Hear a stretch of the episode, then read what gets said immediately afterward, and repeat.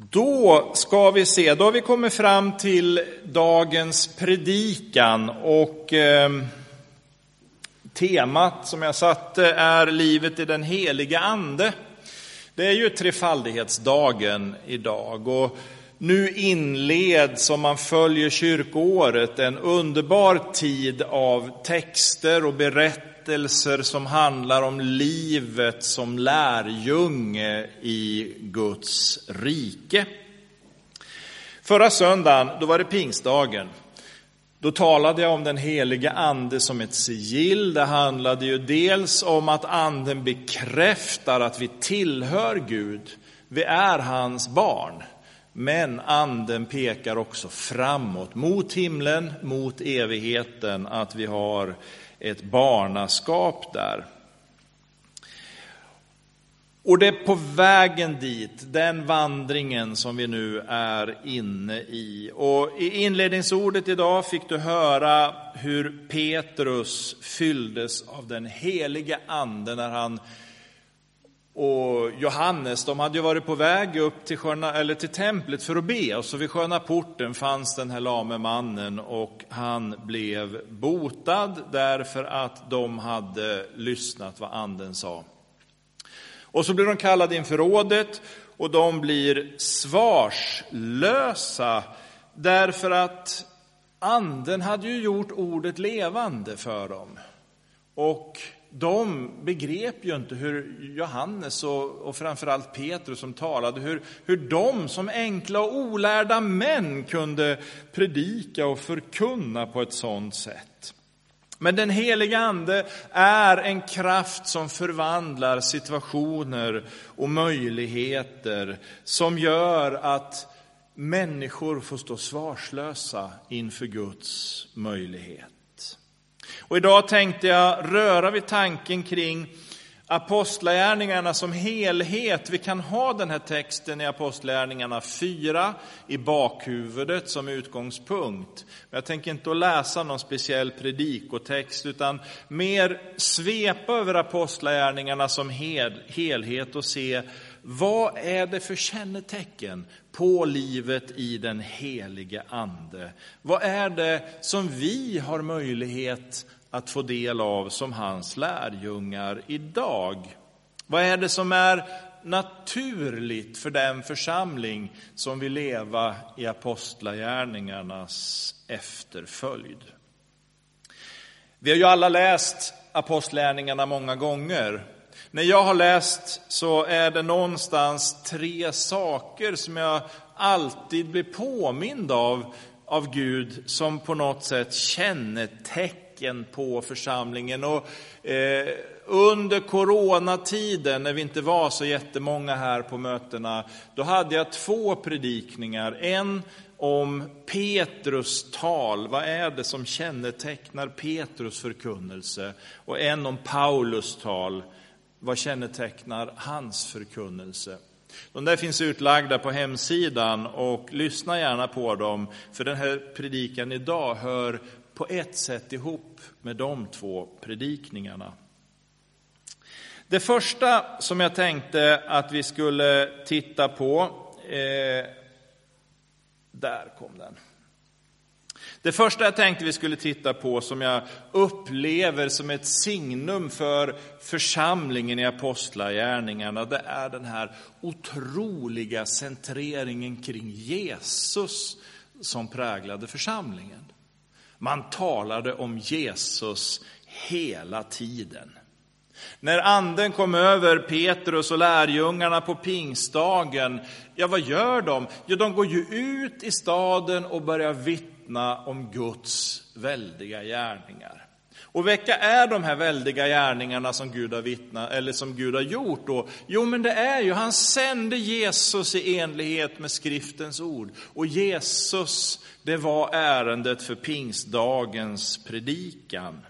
För Petrus han pekar på Jesus med hela handen. Och det där som han förkunnar i andens kraft, det står att det hugger tag i människornas hjärtan. Och orden om frälsningen skapade syndanöd hos folket. Och backar vi nu till Johannes evangeliet där Jesus satt med lärjungarna innan han skulle korsfästas, så talar han egentligen indirekt om de här sakerna. För från kapitel 13 och framåt så talar han om hjälparen som ska komma. Och så ser vi några saker som Jesus lyfter fram om hjälparen. Det ena är ju då att hjälparen ska vittna om mig, säger Jesus. Så det naturliga för den andefyllda församlingen är ju att den heliga ande genom församlingen talar om Jesus. Och så säger han i Johannes 16 att när anden kommer så överbevisar han människorna om synd, om rättfärdighet och om dom. Så följden av det som sker när de förkunnar och vittnar om Jesus i den heliga Ande är just det vi ser på pingstdagen. Människorna blir berörda i sitt hjärta och känner, ser och förstår, jag kan inte leva som jag gör. Jag behöver en förändring i mitt liv. Så de frågar Petrus, vad ska vi göra? Och han säger, omvänd er, tro på evangeliet om Jesus så att era synder blir förlåtna.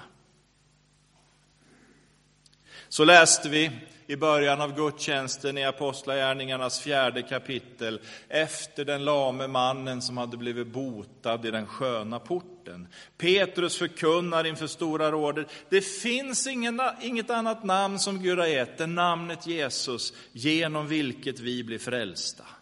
I femte kapitlet åter en predikan om Jesus på ungefär samma sätt inför Stora rådet. I sjunde kapitlet läser vi hur Stefanus vittnar för folket om Jesus innan han blir stenad och församlingens första martyr åttonde kapitlet talar Filippus för den egyptiske hovmannen om Jesus Kristus. I tionde kapitlet förkunnar Petrus inför Cornelius och hedningarna att i tron på Jesus blir era synder förlåtna. Och så i 26 kapitlet, om man hoppar igenom hela apostlagärningarna, står Paulus inför kung Agrippa med samma vittnesbörd som vi sett att han har haft under hela sin hedna mission, att det är Jesus som är en människas enda hopp. I honom blir du försonad med Gud. Så det första vi lär oss av församlingen i Apostlagärningarna, det är att de var så otroligt fokuserade på Jesus. De ägnade sig inte åt massa andra saker, utan de talade om Jesus. De upphöjde Jesus, de proklamerade hans makt. Jesus var centrum och det är någonting som också jag behöver få tag på idag, kanske också du. Att bli mer frimodig, att vittna för människorna vi möter om Jesus. Och då gör vi ett litet avbrott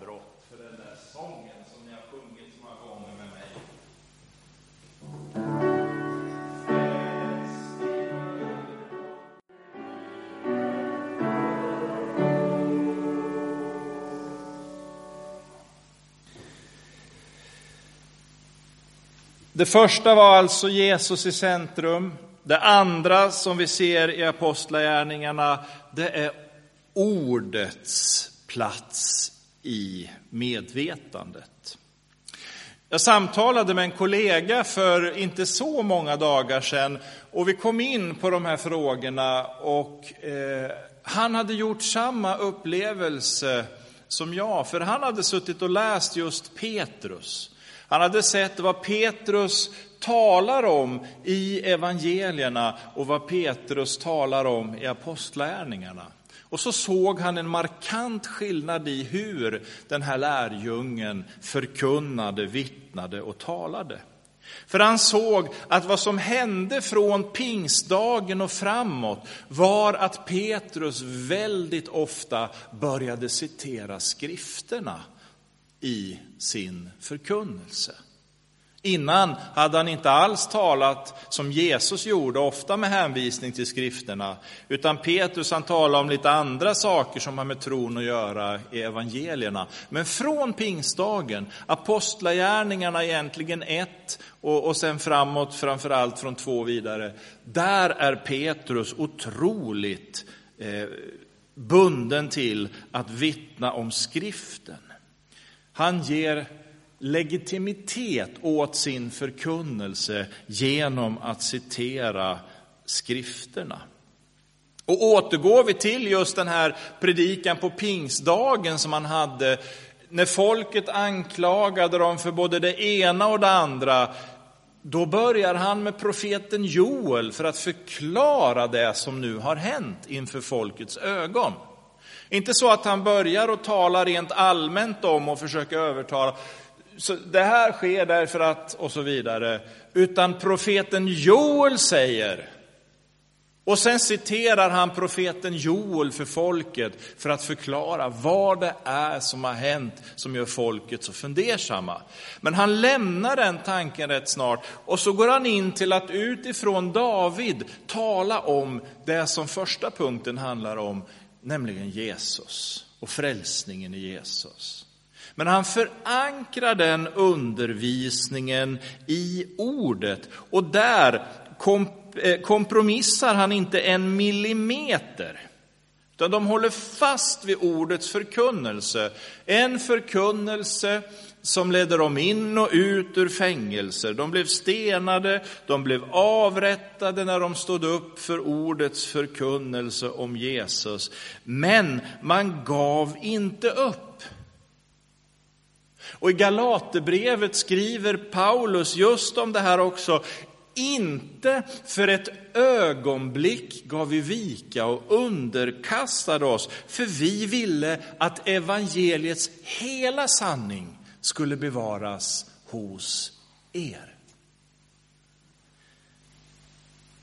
Inte för ett ögonblick gav vi vika. Man skulle kunna säga att församlingen aldrig gick utanför det som Gud gav dem. Man konstruerade ingen egen teologi, man hittade inte på egna saker, utan man var trogen Guds ord och hämtade hela tiden sin förkunnelse, sin kunskap, sin inspiration ifrån det ordet gav dem. Och därför ser vi också hur apostlagärningarna skriver på ett par ställen, även Markus evangeliet slutar ju där, att Gud bekräftade sitt ord med de tecken och under som åtföljde. Gud bekräftade ordet. Nu håller den på att somna här. Ja, det ordnar sig. Gud bekräftade ordet Församlingens trohet till ordet gav Gud en plats, en bas att verka på eller verka utifrån. Och det är klart att vi får fundera lite, hur ser det ut i våra liv? Vilken plats har ordet hos oss egentligen? Och då kommer nästa sång, vi får se om den där försvinner, jag vet inte.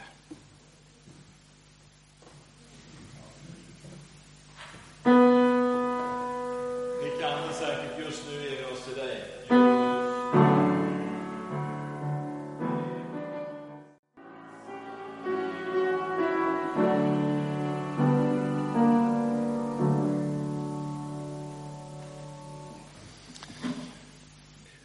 Ordet i centrum var det andra, det första var Jesus i centrum. Och det tredje som jag nu vill lyfta fram som väldigt utpräglat i apostlagärningarna, eh, det var ju livet i den helige ande.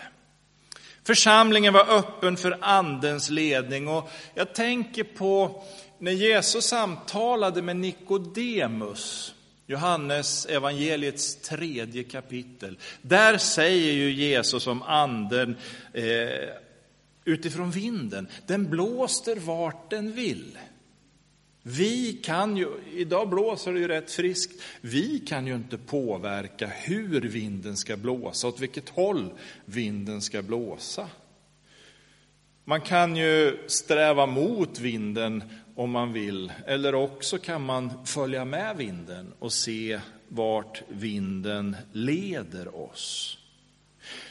Och när vi talar om anden, om vi börjar kontrollera skeendet, då har vi genast fångat den heliga ande i någon slags burk och förminskat honom. Begränsat hans möjligheter, stängt honom inne de, innanför de begränsningar som vi som människor har. Istället för att vända på det, att vi ska finnas i anden som är större än oss och låta honom föra oss dit han vill. Och det var ju det där som präglade lärjungarna så påtagligt i apostlagärningarna. Man var överlåten till Jesus och man lät honom genomsyra gemenskapen med sin ande. När Jesus lämnade lärjungarna i början av apostlagärningarna säger han, stanna nu här i Jerusalem och vänta på att Gud ska ge den gåva som han vill ge er. Då, när han kommer, då ska ni få kraften. Då ska ni bli mina vittnen ut över hela världen. Johannes döpte med vatten, säger han, men ni ska bli döpta i den helige ande. Och vi brukar ju förklara det här ordet döpa. Vi är ju goda baptister vi som är här. Och ordet baptist är ju ordet för dop eller att döpa. Det betyder att sänka ned något, om man ska vara bokstavlig. Så vi praktiserar ju i biblisk tanke dop genom nedsänkning när man själv har bekänt att jag tror på Jesus. Och så blir man nedsänkt i vatten. Och du har hört mig, jag vet inte hur bra ditt minne är om du kommer ihåg, men jag har ju pratat om det här med dop utifrån gurkan. Är det någon som kommer ihåg det? Nej, ingen skam över er. Jag glömmer det mesta. Att doppa en gurka i vatten, ja det gör ju gurkan ren. Och i den meningen skulle ju dopet också kunna ses utifrån att man får så att säga en rening. Och det här talar ju Titus om i sitt brev. Doppar du däremot gurkan i ättikslag, då blir det något annat, fast det är fortfarande en gurka. Den får en ny smak. Och så är det med dopet i den helige Ande. Det ger livet som fortfarande är ditt liv. Du blir inte förvandlad i den meningen att plötsligt ser ut på ett annat sätt eller så.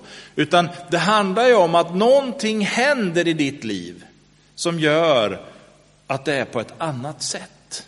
Du är fortfarande du, du är den Gud har skapat. Men plötsligt så smakar du lite annorlunda, du smakar lite bättre. För den helige ande har fått forma dig. Att vara född av anden handlar om att släppa greppet och låta sig ledas dit anden vill att du ska gå. När Petrus och Johannes stod där någonstans sin vana trogen, någonstans i Jerusalem. Nu är det dags de hade ingen klocka så de fick titta på solen eller någonting. Och så tänkte de, nu är det bön i templet, nu ska vi gå upp och be. Det var deras plan. Men de var ju genomsyrade av den helige ande och lyhörda för den helige ande. Så när de kommer upp till templet och sköna porten där de hade gått in många gånger och sett en lame många gånger sitta där och tigga, då hör plötsligt Petrus och Johannes den helige ande säga, ja men hallå stopp där nu. Nu ska ni vända er mot den här lame mannen. Och de gör som de blir tillsagda. Och så ger den heliga ande orden till dem. Silver och guld, det har jag inte, men det jag har, det ger dig. I Jesu Nazarens namn, stå upp. Och han står upp. Och så blir det ett härligt väckelsemöte in i templet. De skulle ju gå dit och be. Och hade de sagt till den heliga ande när de mötte den lame man, ja men du får vänta heliga ande tills vi har bett, sen kan vi lyssna på dig. Ja, då hade de missat alltihop. Men nu var de lyhörda för vad den helige ande ville säga och göra genom dem.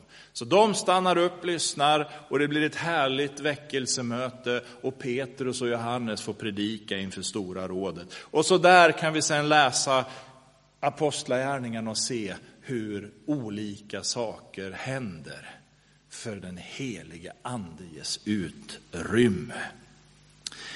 Och därför också jag rannsaka mig själv och fråga, hur villig är jag att låta den helige ande regera mitt hjärta? Vi sjunger.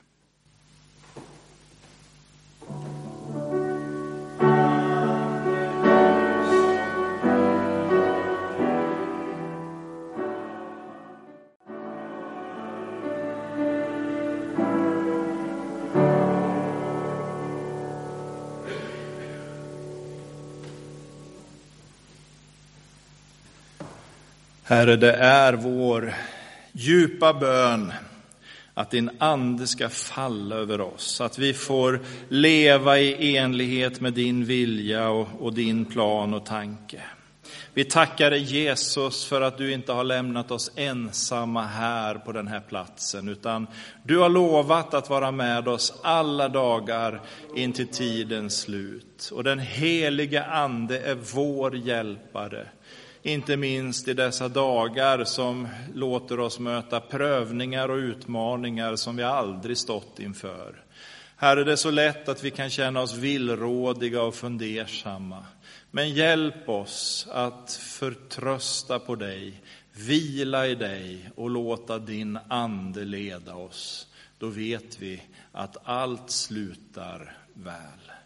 Dina äran och makten från evighet till evighet. Amen.